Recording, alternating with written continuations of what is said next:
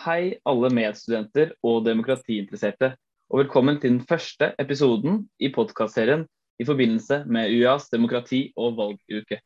I denne episoden skal vi snakke om hva demokrati er, hvor demokratisk Norge egentlig er, og hva som eventuelt truer demokratiet der ute. Jeg heter Christian Fredrik og studerer master i sosiologi. Med dette sagt så vil jeg ønske velkommen til gjestene vi har fått her i dag. Carl Henrik Knutsen ved Instituttet for statsvitenskap ved Universitetet i Oslo. Og Dag Ingvar Jacobsen, professor ved Institutt for statsvitenskap og ledelse ved Universitetet i Agder. Så Aller først så har jeg et litt morsomt spørsmål til dere her nå. Så Var dere engasjerte i studentorganisasjoner, politikk, eller kanskje hang dere mest ved studentbarn som studenter? Jeg vet ikke om jeg, jeg, skal begynne der. Eh, det kan jo bare gå, én vei etter, etter, det kjedelige svaret som jeg kommer til å gi nå. Men, eh, men jeg, jeg, var ikke eh, spesielt engasjert i studentorganisasjoner eller, eller i politikk da jeg, da jeg, studerte. Jeg, egentlig, jeg hang en del i baren, det gjorde jeg. Men jeg hang kanskje, ikke bare kanskje, men jeg hang ganske mye mer på lesesalen også. Så jeg, hadde, jeg tok to, to parallelle løp i, i statsvitenskap og samfunnsøkonomi, så det var ikke så veldig mye tid til, til annet. I tillegg til at jeg hadde en liten sønn som jeg, som jeg også brukte tid på. Så da ble, da ble dessverre politikken og organisasjonslivet mer prioritert. Ja, jeg må bare si akkurat det samme. Jeg har fryktelig dårlig samvittighet her. Jeg tror nok jeg brukte mye mer tid på lesesalen enn verken i baren eller i politikken. Så det ble ikke så mye tid til, til de politiske delene. Litt av dette også er jo, kommer jo fra eh, kan man si det sånn, et gudsord fra landet som kom inn til Oslo og hadde vel litt sånn problemer med å finne meg til rette på steinørkenen på Blindern, så kanskje ikke den politiske aktiviteten var det første en gikk inn på. Så det ble nok mer lesesal og mer uh, å sitte litt uh, murt inne på hybelen sammen med et par-tre andre venner. Og, og, heller gå inn i den typen. Så vi har ikke noen veldig gode erfaringer med organisert politikk i, i ungdommen. Nei, da, så da må vi begynne å begynne, da. Hva, hva er egentlig et demokrati? Altså, og hva er eventuelt de nærmeste andre styreformene? Eh, det er, det er et eh, høres ut som et eh, tilsynelatende enkelt spørsmål hva demokrati er. Men det er, det er, fryktelig mange svar i hvert fall på det, på det, spørsmålet. Og mange som har skrevet bøker om hva demokrati er og, og ikke er. Så, så, ofte når vi snakker om, om demokrati, så, så, er ett sted å begynne at det finnes veldig mange forskjellige definisjoner av demokrati. Det betyr ikke at alt flyter, at man kan, kan bruke en hvilken som helst definisjon. Det er noen kjerner der. Eh, men det er en høy grad av variasjon. Si, et kjennetegn ved, ved veldig mange eh, definisjoner på demokrati, det er enten så tar de eh, utgangspunkt i noen viktige institusjoner, og da gjerne flerpartivalg med konkurranse og bred deltakelse. Det er, det er, på mange måter grunnsteinen i demokratiet i, i, moderne, i, moderne, stater. Mens andre snur litt på det og sier at jo, men la oss ikke begynne med institusjoner, la oss begynne med en, mer overordna idé. F.eks. at det er høy grad av politisk likhet mellom innbyggere, at innbyggerne er med og kontrollerer politiske beslutningsprosesser. Eh, og så finnes det da veldig mange definisjoner som utbroderer på dette her. Gjerne legger til dimensjoner, så man kan si at nei, men det bare fokusere på valg er for snevert, så kanskje vi må også se på beskyttelse av individuelle rettigheter, såkalte liberale demokratidefinisjoner. Eller kanskje vi må se på måten eh, dialog og samtale og, og, og, politikk formuleres på. Eh, det liberative aspektet i demokratiet. Så da bygger man på forskjellige dimensjoner og kan ende opp med ganske, ganske omfattende demokratibegrep. Mm. Jeg er veldig enig i det, og jeg tror vel det er vel et av de begrepene som er mest diskutert oppover i, i tida også. Men jeg har lyst til å komme litt tilbake også. Det har jo en basis i selve oppbygginga av begrepet. Det er jo et ideal her om folkestyre.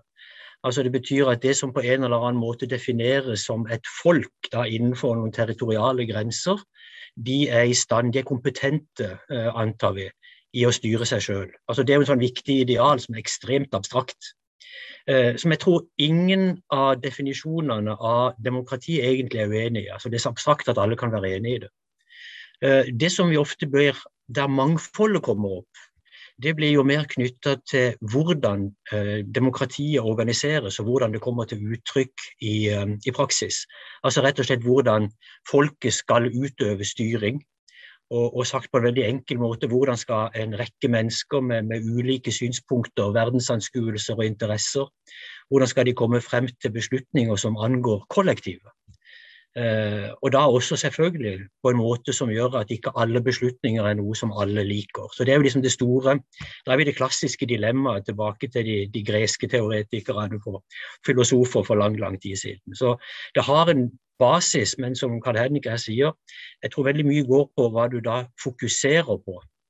Eh, på hvordan dette kommer til uttrykk i moderne stater.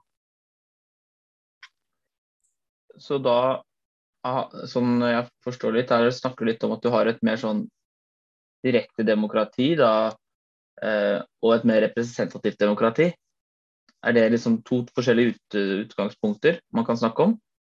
Og Norge, for Norge er vel et representativt demokrati, eller? De fleste, de fleste mm, moderne stater er det, er det, det representative demokratiet vi tenker på. Det er jo ulike grad av innslag av direkte demokrati. Eh, ta Sveits f.eks., i sammenligning med, med, Norge. Men her kommer vi inn på en, en del av de, liksom de vanskelige avveiningene, som Dag Ingvar eh, pekte på.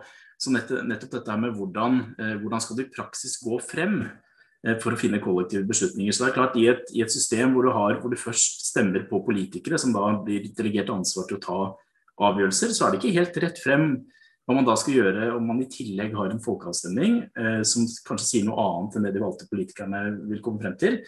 Eh, så det er ikke så enkelt som at eh, folket i, i en bestemt avstemning hvor kanskje det er to alternativer som er litt sånn grove, at, at, det nødvendigvis representerer en slags sånn mer demokratisk eh, løsning. Så her er det noen veldig vanskelige avveininger.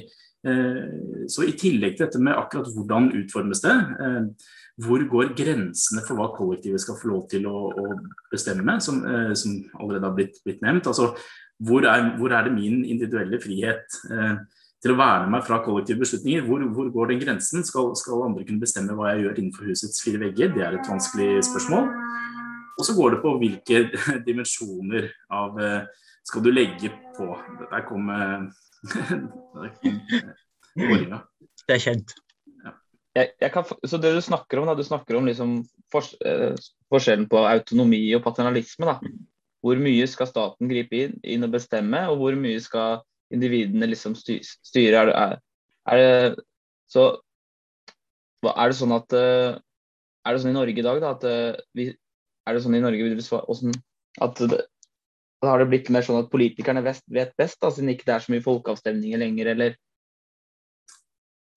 Du kan si um, uh, i Norge, altså Grunnstein i, i, i det norske demokratiet altså, over, over, hele måte, den siste delen av, av, moderne historie har vært, vært Stortinget og, og, regjeringen og som parlamentarismen siden 1884. Og de fleste beslutninger har jo blitt lagt, lagt der. Og så har vi noen, noen unntak som har, ganske spesielt EF- og EU-avstemningene, som har veldig høy profil. Vanskelige saker hvor, eh, hvor det blir invitert til en rådgivende folkeavstemning. Men det er jo en tanke i demokratiet at selv om vi velger politikere, man kan si at Kanskje, eh, kanskje, er det noe problem med det hvis eh, eh, lederne ikke representerer folket. Så har vi åpenbart et demokratisk problem.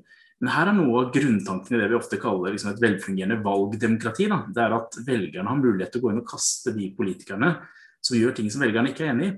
Og det i seg selv disiplinerer politikerne til å, til å, prøve å ta hensyn til eh, til eh. Så Det er én sånn måte da, vi, vi, kan ha, eh, vi, kan ha, en viss disiplinering av politikerne. Så man har en sånn kjede som strekker seg fra befolkningen og hva de ønsker, og helt opp på, på regjeringsnivå.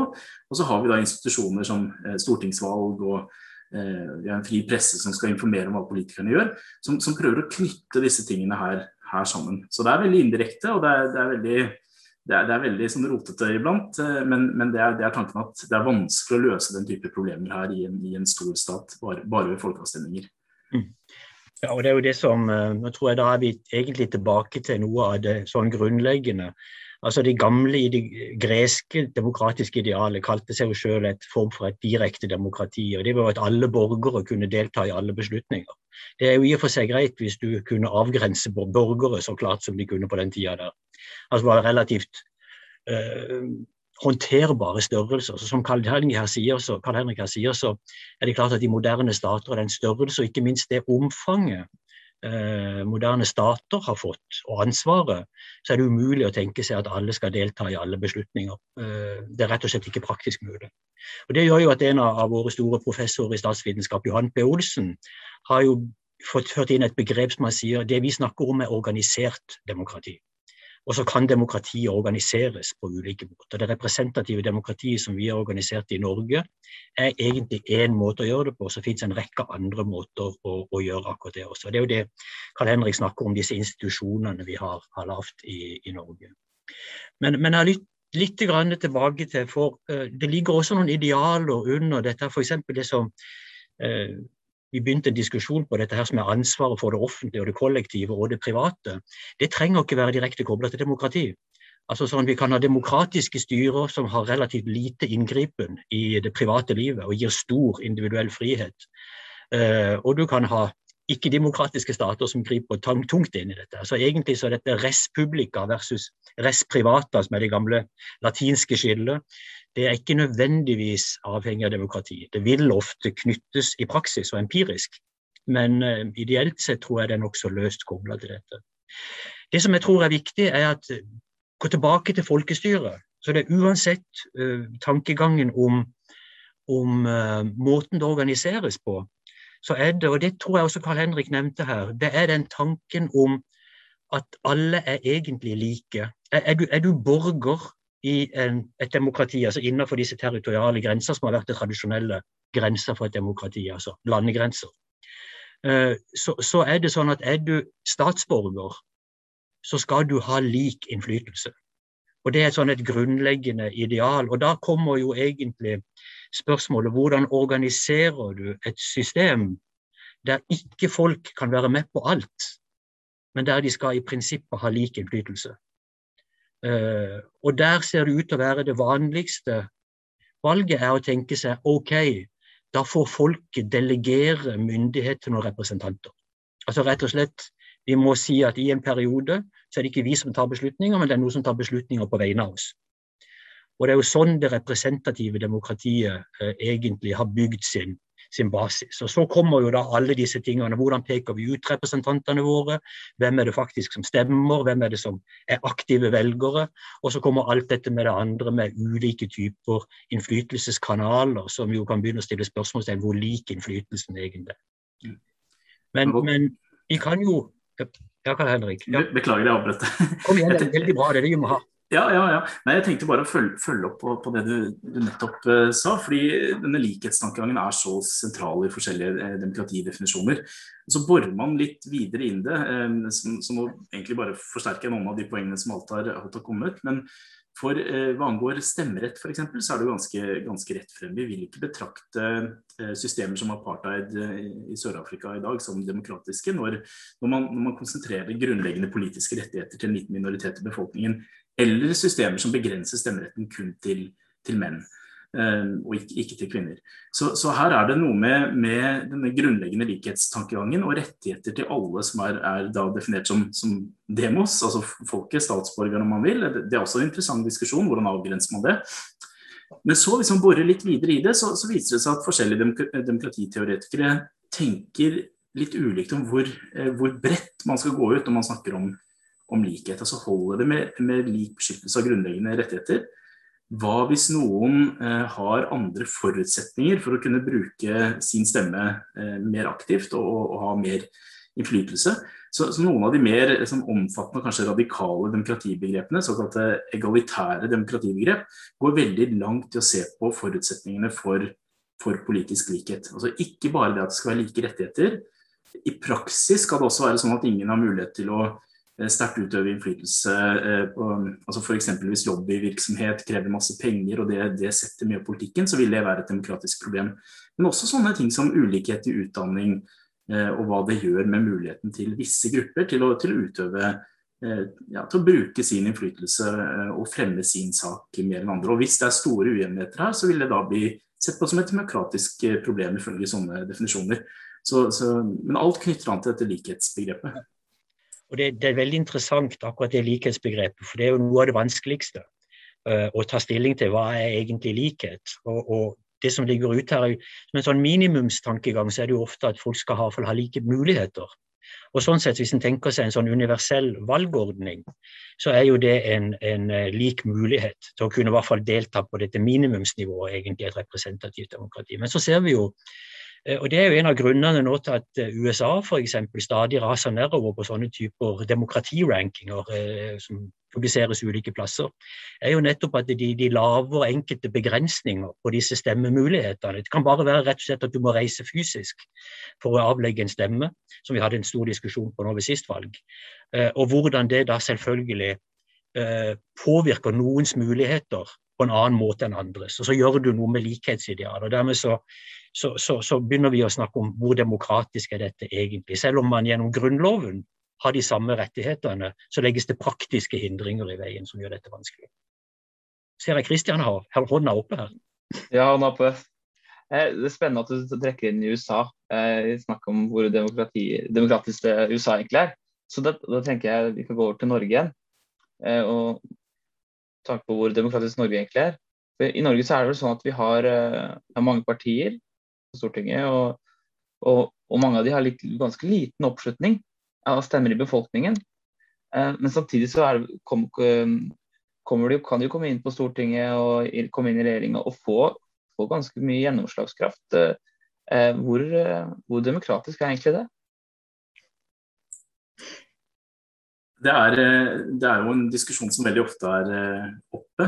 og Det er, det er gjerne sånn at det er noen partier som har sterkere insentiver til å fremme, fremme det argumentet enn andre også. Hvis man ender på 15-16% men havner utenfor en regjering og ser at det er noen på 3% som, som ligger på vippen, som det heter, og kan styre mye av politikken, så blir det ofte fremmet, fremmet som et problem. Og det kan, det kan for så vidt være det i, no, i, i noen tilfeller. Um, det, hvis det er sånn at, eh, at, det er så sterk makt konsentrert i en gruppe som har et veldig annet syn på, på en bestemt politisk sak eller dimensjon enn eh, en andre. Det kan være f.eks. landbrukspolitikk, eller det kan være alkoholpolitikk, eller det kan være eh, økonomisk politikk. Så, så, potensialet ligger der. Men jeg tror det er flere ting som er viktig å, å tenke på der. Én ting er jo hvis man, hvis man, hadde hatt en veldig, sånn, veldig enkelt politisk landskap eh, med én dimensjon, la oss kalle den høyre-venstre. At alt dreier seg om høyre-venstre-dimensjonen. Enten står det ganske langt til venstre eller langt til høyre. Så kan man tenke seg at man har eh, noen store partier på fløyene, og så har man flere små i sentrum. Eh, det at disse partiene i sentrum får mye makt i, så, i en sånn situasjon, betyr jo egentlig at du trekker politikken mot midten. Så selv om det er små grupper i praksis som da eh, kanskje får mye makt i forhandlingene, så betyr det at du får en politikk som bare ligger nærmere eh, det som ofte kalles for medianvelgeren, altså velgeren i midten, enn, det du ellers ville hatt. Så selv om eh, noen grupper på fløyene da taper, så, vil det være veldig mange flere på den andre siden av det politiske spektrumet som blir litt mindre misfornøyde. Det... Men Karl Henrik, nå tenkte jeg på bare sånn generelt, hvor, hvor, sånn filosofisk hvor demokratisk det var. Ikke, ikke med tanke på Norge, Eh, ja. Som jeg forsto eksempelet, men bare sånn eh, helt generelt eh, etter, ja. angående demokrati. Og jeg tenker egentlig at vi, vi, kan generalisere det litt også, for det går, går, på hva du tenker på som enheten. Hvis du tenker på partiene som naturlige enheter, og sier at dette er et lite parti, 3% det har mye makt, så, så, vil jeg være enig i at da vil det være et problem. Hvis du tenker på individene eller velgerne som enheten, og du får en politikk hvor de små partiene trekker trekker politikken mot en sentrum. Du må gå bredt ut for å danne en stor koalisjon som favner flere grupper. Så er ikke det nødvendigvis noe demokratisk eh, problem at det er noen som, eh, som sitter på mer, mer forhandlingsmakt. Eh, og det kan også være, sant, Så har jo politikken i praksis mange flere, flere si, dimensjoner. og Da er det jo ofte forhandlinger som gjør at hvis jeg er fryktelig opptatt av landbrukspolitikk, så selv om vi bare er 5 av, velgerne, så er vi så intenst opptatt av det at jeg er villig til å kaste alt, som, alt annet av økonomisk politikk eh, på båten hvis jeg får landbrukspolitikken min. Så er det et eller annet som, er, som kan betraktes som demokratisk ved det også, at, man får lov til å vekte ikke bare hvor mange er det som stemmer for en politikk, men du kan vekte intensiteten i, i preferansen, at du får forhandlinger. Så jeg tror det systemet vi har i Norge i dag med proporsjonal, eh, et proporsjonalt valgsystem som gjør at du får som bidrar til at du får mange, eh, mange partier, det trekkes også ofte frem som en fordel i det at du får veldig mange forskjellige typer interessegrupper og grupper av befolkningen som blir representert, og som får en stemme inn. Når man har to partier, eh, så er det andre typer eh, Det kan være andre utslag som gjør at veldig mange hele tiden blir værende utenfor. Men med mange små partier så har, har i hvert fall alle mulighet til å være med inn i regjeringsdanse. Så, så her, her, er det Hvis jeg selv skulle forvalte et, et demokratisk system, så ville jeg, ville jeg valgt en, en, sånn type løsning som vi har i Norge i dag, framfor en, en amerikansk løsning eller en britisk løsning. Rett og slett fordi det er noen grupper, selv om de er kanskje 30-40% som da kan havne i flertall og få veldig mye kontroll over politikken. og Da er det bedre å spre det ut og la mange små, små grupper være med inn. Det... Ville du også valgt uh, denne løsningen, Dag Ingvar? Ja, 100% Men nå er jo vi norske, og vi er jo så biased som vi overhodet kan bli i dette. Men, men uh, det er ikke tvil om at og der, jeg mener, der har vi også alle typer internasjonale rankinger på vår side. altså Norge regnes som et av de mest demokratiske landene i verden, og det er vanskelig å komme utenom dette. Men jeg vil litt tilbake igjen med, til dette med, med, med likhetsdelen. for Uh, det er to ting i dette her. Uh, det ene er liksom Det er mulighetslikheten som er det sentrale, tror jeg de fleste legger inn. Altså det at det skal være like muligheter. Men det å sammenstille mulighetene med faktisk lik innflytelse, det blir veldig feil. For det er helt klart at Da er det såpass mange andre ting som slår inn av kompetanse, penger, uh, kontakter, nettverk, whatever it is. Så kan vi si det kan være et demokratisk problem. men Eh, hvis alt skal måles etter en type resultatlikhet eller utfallslikhet, så er det ikke mange som blir demokratiske. Altså, da blir det jo heller helt sånne like, eller de blir jo heller aldri like land. Det blir, det blir som George Orwell. Det. det er liksom at noen dyr er likere enn andre. Så det er liksom sånn, Utfallslikheten er fryktelig vanskelig å tenke seg. Du tenker litt sånn som Jordan Peterson, at det skal være like mulighet for alle? Det er grunn... Altså, det er, la meg si det sånn, det er et minimumspremiss som ligger i dette med demokrati. Så legges det ofte inn andre typer likhetsidealer i tillegg til dette. Eh, men jeg har lyst til å gå tilbake til noe som jeg synes er, som Karl Henrik kom inn på her.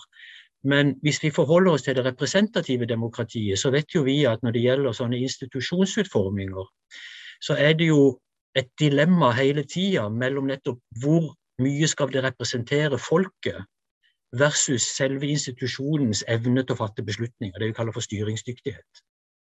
Eh, og selvfølgelig, når vi velger et system der det er relativt flere, mange partier, og det er relativt lave sperregrenser for å komme inn på de, de tunge institusjonene, så betyr det mer fragmenterte institusjoner. Det ser vi jo nå. Det har vært en fragmentering partipolitisk av alle de institusjonene både på lokalt og regionalt og nasjonalt nivå i Norge. og det følger også en internasjonal trend, eh, som gjør at det blir vanskeligere å styre. Altså Det blir stadig mer styring gjennom kompromisser og forhandlinger enn gjennom raske beslutninger. Og selvfølgelig Når du har det britiske topartisystemet eller amerikanske topartisystemet, så har det jo fordelen at du, i hvert fall i prinsippet, selv om det ikke alltid slår sånn ut, at du får mer handlekraftige eh, regjeringer eller presidenter eller styrende eh, eliter i dette. Så men jeg vet ikke om det har akkurat så mye med selve demokrati å gjøre. Det er noe vi må veie mot det demokratiske. Altså det med representativitet. Og det er jo ikke tvil om, mener jeg, at den måten vi har valgsystem og den måten vi har flerpartisystem, det representerer et mangfold i interesser og synspunkter i befolkninga, og meninger og livssyn. Kan du, kan du altså, jeg skal bare ned videre nå, bare. Det var interessant eh, det du sa om eh, nå, Dag Ivar. Og jeg lurer på Eh, altså handlekraften til demokratiet, da. Tror dere da at Norge vil klare å løse klimautfordringene gjennom et demokrati? bare si enkelt og greit at Norge er ikke i stand til å løse noen klimaproblemer. Så det må jo løses på et høyere nivå enn det norske demokratiet. Så derfor vi setter vår lit egentlig til det er noen internasjonale regimer som kan greie å gjøre dette. Og det er jo langt ifra, De er langt ifra demokratiske, men noe av det vi har, som vi ser i EU f.eks., er jo noe av det nærmeste vi kommer et internasjonalt demokratisk samarbeidsorgan. Det kan sies mye stygt om EU-kommisjoner og EU-parlament, men den har i hvert fall et forsøk på å lage noe som ligner på et demokratisk system på et overnasjonalt nivå. Jeg kan jo legge til også at, at, det er noe grunnleggende vanskelig med, med klimaproblematikken. altså dette kollektive, kollektive samhandlingsproblemet som det, det er. Så én ting når vi tenker på om demokratiets muligheter til å løse den type og andre virkelig vanskelige problemer, tror jeg også er å, å tenke nøye gjennom hva er, eh, hva er det kontrafaktiske alternativet. Altså Hvis vi sammenligner demokratiet opp mot et ideal, og så er det mulig for et demokrati å, å lette noe fram til en perfekt løsning her, så er, så er svaret nei. er spørsmålet ville vi gjort det bedre under et annet system så er antagelig også svaret nei. Ehm, I hvert fall hvis vi skal tro de, de mer sånn generelle statistiske studiene som har blitt gjort på, på demokrati og en del miljøutfall, inkludert klimagassutslipp, så er det i hvert fall ingen, eh, klar tegn, ikke noe klart tegn til at uh, diktaturer generelt gjør det bedre. Selv om man kan ha Eh, kineserne er jo ofte kjempeflinke til å, til å, å, å få frem når de, har, eh, når de, bygger nye solcellepaneler eller gjør et eller annet stort klimainitiativ, så er de, er de, veldig flinke på å formidle det. Men bildet i bredt er, er, gjerne at demokratier gjør det bedre på ulike demokratispørsmål. Ifølge de fleste studiene, selv om det er ganske mye variasjon, da, eh, for dette er jo et empirisk spørsmål. For det er, det er viktig å tenke gjennom hva er hvis du sitter der som diktator eller, eller i en militær junta eller, og, og, leder et sånt system, hva er egentlig insentivene dine da til å ta tak i, i f.eks. klimaproblematikk, eller om det kommer en forurensningsskandale? Så De insentivene kan like gjerne være å dysse ned eller å prioritere økonomien. Blåse i at det er mange miljøbevisste velgere som skulle ønsket seg en grønnere politikk. Så, så det er ikke helt åpenbart at demokrati gjør noe verre enn alternativene. Eh, selv om det skal sies i et diktatur med konsentrert makt, skulle du liksom være så heldig eller uheldig, alt etter hva, hvordan du ser på det, å få en leder som kun prioriterer eh, å få ned CO2-utslipp, så vil det antagelig være en del grep du kan ta som diktator som du ikke kunne gjort som demokratisk valgt leder. Men da er du så veldig avhengig av hvem det er som sitter på toppen, og det har du veldig lite kontroll over. Så det kan svinge voldsomt fra et tiår til et annet og variere veldig fra land til land. Så demokratier er tryggere i sånn måte. Jeg har lyst til å, til, til å spinne litt videre på akkurat dette. Ikke akkurat miljøproblematikken, men, men, men, men, det har jo også et eller annet med denne her, eh, kan vi si, idealiseringa av liksom beslutningsdyktighet. Eh, og da skal vi jo se at dette med beslutningsdyktighet det har jo noe med at det kan tas gode beslutninger og det kan ta dårlige beslutninger. Altså sånn, Det har vi ingen garanti for. Og, og da er det jo en ting som vi ikke har diskutert i forbindelse med, med, med demokrati, er jo at hvis vi skal tenke oss et moderne demokrati, så er det vanskelig å tenke seg det også at det er et demokrati uten at det finnes begrensninger på eh, det kollektive organets styringsmuligheter. Altså jeg tror De fleste vil også innpasse det og si at et demokratisk system også har begrensninger, som regel knytta gjennom en type lovstyring, som sier at dette er sfæren til politikken eller sfæren til demokratiet. Men så har vi andre sfærer som er det private eller næringslivet eller hva det måtte være for noe. Så det er hele tida en type avgrensing mot dette. Og dette er jo det gamle idealet om å spre makt på flere institusjoner, eh, sånn at de kan balansere hverandre. Vi har jo sett hvordan dette har funka i USA på en ganske bra måte. Eh, der du har fått mange rare presidenter som har blitt balansert av, av både det, det, det, mer sånn utøvende og ikke minst det dømmende, stor, som står mye sterkere i USA. Så Det tror jeg også er viktig å se. og Vi har vel også en tendens i Norge at uh, den dømmende makten, altså Høyesterett, spiller en viktigere og viktigere rolle også i, uh, i, i det demokratiske uh, delen av det. Vi så f.eks. dette i forbindelse med, med, med den såkalte jernbanepakka hvor Høyesterett gikk inn og vurderte om dette var noe som Stortinget kunne fatte en beslutning på, på en spesiell måte som de hadde bestemt seg for. Og Det var vel første gang nå må du stoppe meg, Karl Henrik, men det første gang at Stortinget faktisk ber Høyesterett om å foreta en juridisk utredning av Stortingets egen mulighet til å fatte en beslutning. Det er ganske fantastisk. Jeg kan jo, kan jo legge til eh, på det punktet her, for når det kommer til eh, beskyttelse av ulike hensyn, maktbalanse, beskyttelse av ulike typer minoriteters uh, rettigheter og, og, og, grensene for offentlig makt, så er det helt, helt åpenbart. Dette er liksom i tråd med den liberale, uh, den liberale demokratitradisjonen. At det kombinerer liberale prinsipper, maktbalanse, beskyttelse av rettigheter med, med et valgdemokrati. Men I tillegg så tror jeg heller man ikke man skal undervurdere viktigheten av den type alternative institusjoner bare for overlevelsen og fortsatt høy kvalitet til det, det, som vi kan se på som kjernen av demokratiet, altså disse frie og rettferdige valgene. Er det én ting vi har sett de siste eh, tiårene i ganske klar trend, er at den farligste trusselen mot eh, å, å, kunne fortsette eh, relativt frie og rettferdige valg, det er lederen, lederen selv, altså den valgte lederen som gradvis, gjerne veldig sakte, men litt etter litt, klarer å konsentrere makt i egne hender og til slutt underminere frie og rettferdige valg.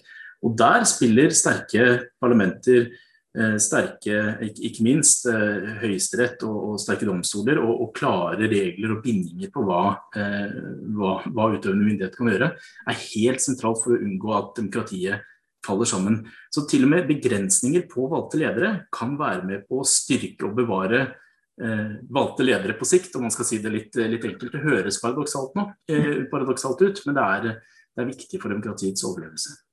Da er vi over på neste, neste tema, da, hva truslene, de store truslene for demokratiet er. Og Som du svarte nå, Karl Henrik, så sa du at hvis vi velger, en, hvis vi velger feil partileder, eller hvis partiet velger feil partileder og, partiet, og det partiet får størst oppslutning, så er det en trussel for, for demokratiet. da.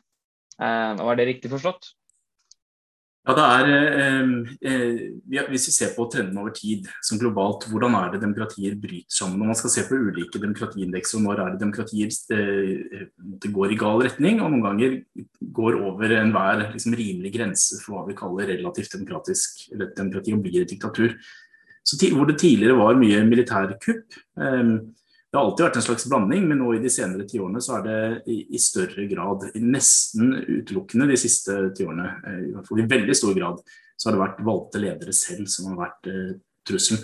Og Det kan gjøres også med sant, og, og Prosessen har ofte vært sånn at man har gradvis eh, konsentrert makt i egne hender, bygget ned mulighetene til kritikere å, komme med åpen, åpen eh, kritikk. Altså det har vært Mediefriheten er, er, typisk noe som blir, begynner å røre seg veldig tidlig. Eh, sivilsamfunnets eh, kår er også et sånn tidlig, tidlig rødt flagg. At, at muligheten til å danne frie sivilsamfunnsorganisasjoner, muligheten til å da få lov til å operere fritt, det er noe som rører seg tidlig.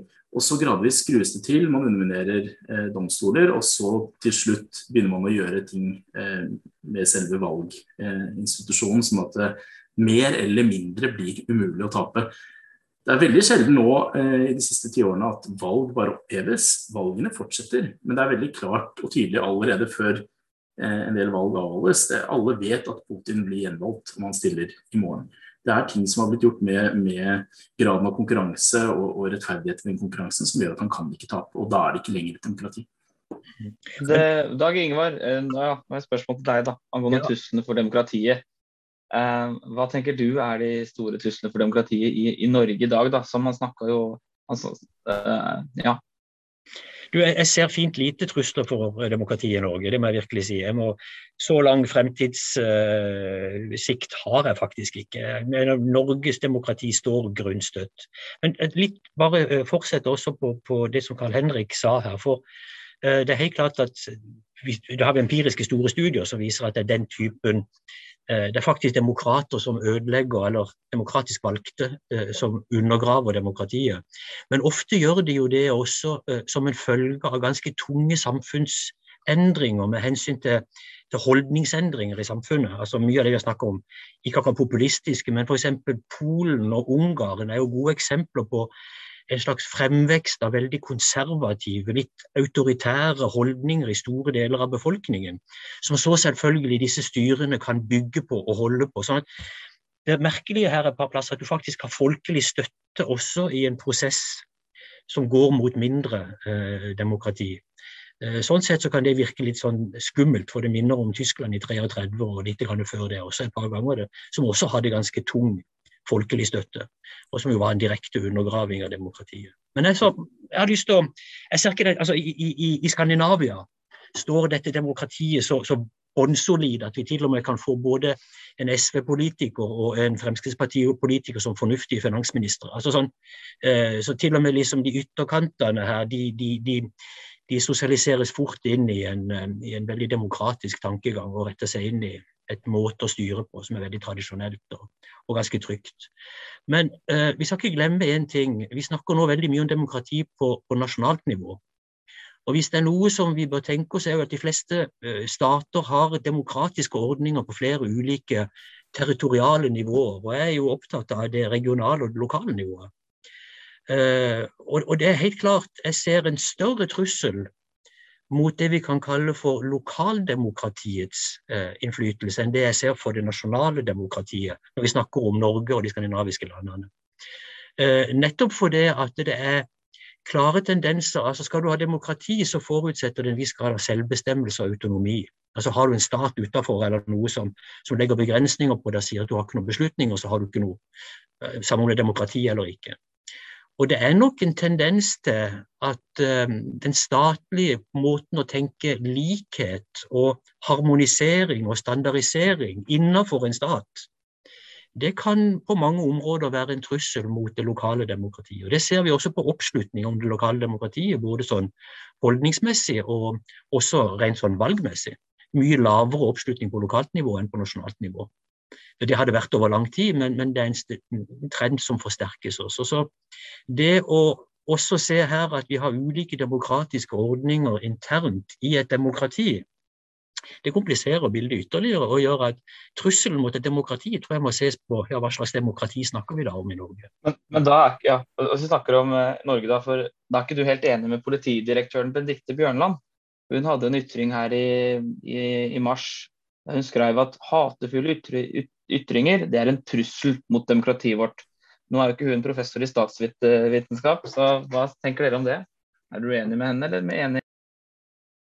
Altså, Jeg ville sagt det at hvis hatefulle ytringer var noe som var dagligdags i Norge, så hadde det vært en trussel mot demokratiet.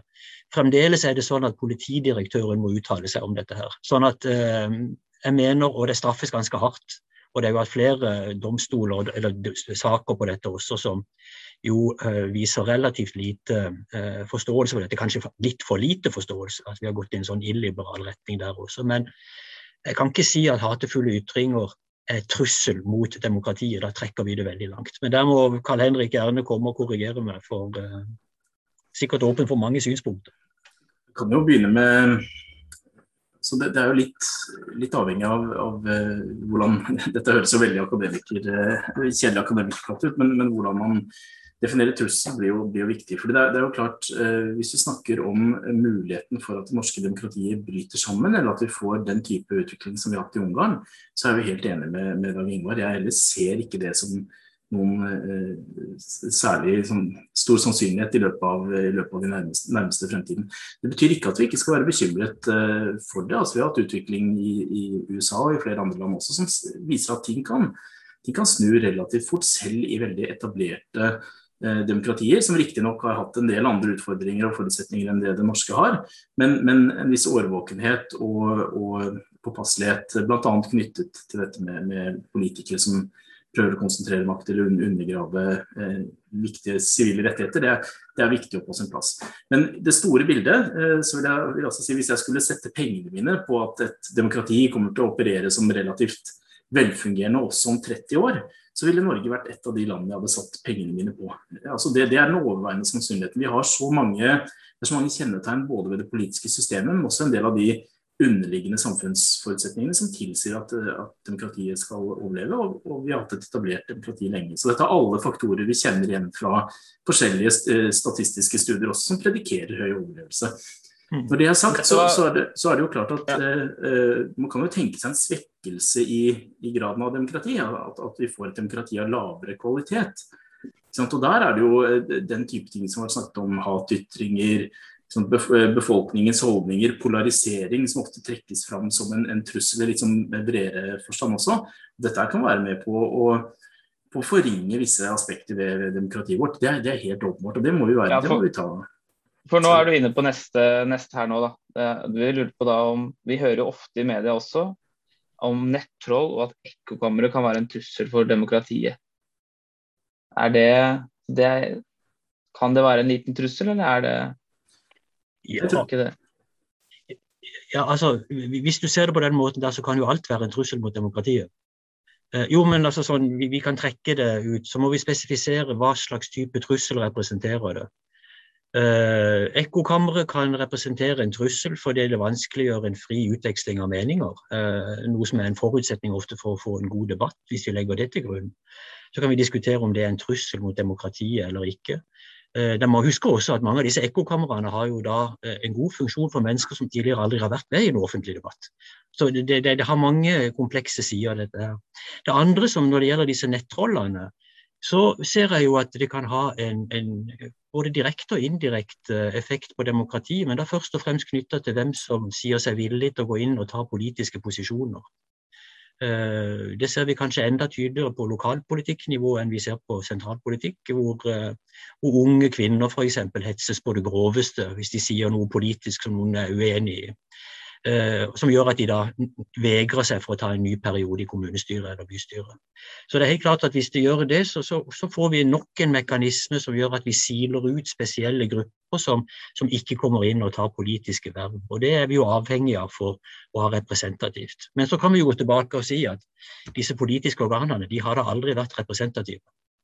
Eh, de består stort sett av høyt utdanna mennesker med mye høyere lønn enn resten av befolkninga, eller mange flere menn enn kvinner. Altså sånn, langs en rekke sånn trekktegn så, så, er de, så, er ikke politikerne våre veldig representative.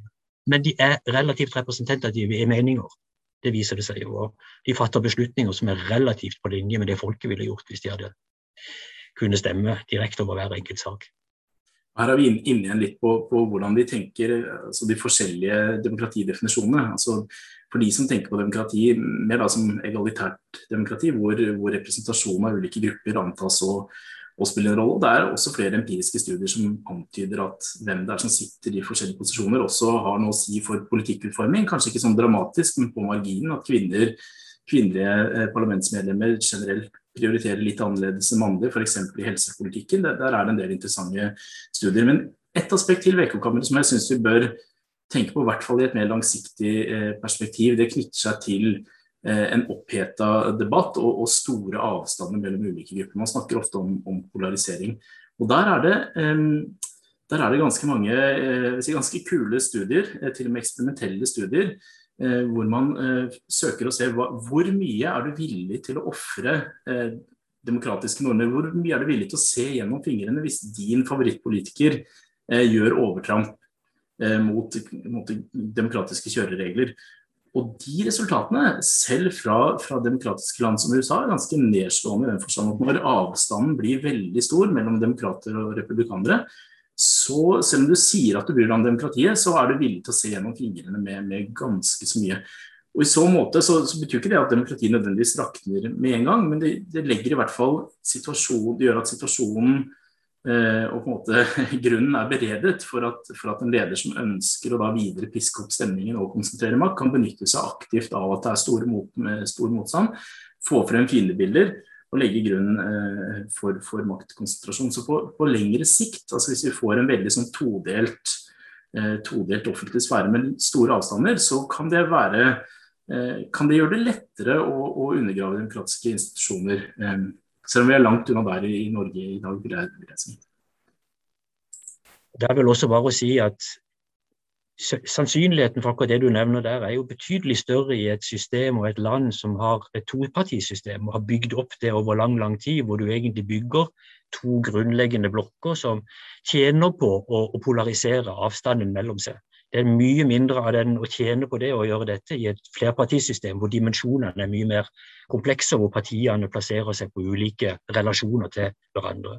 Så Sånn sett så fungerer også det vi snakka om tidligere, flerpartiet systemet fungerer faktisk som en sånn buffer mot disse tingene her. Du får ikke bare to ekkokammer, men du får liksom ti eller tolv.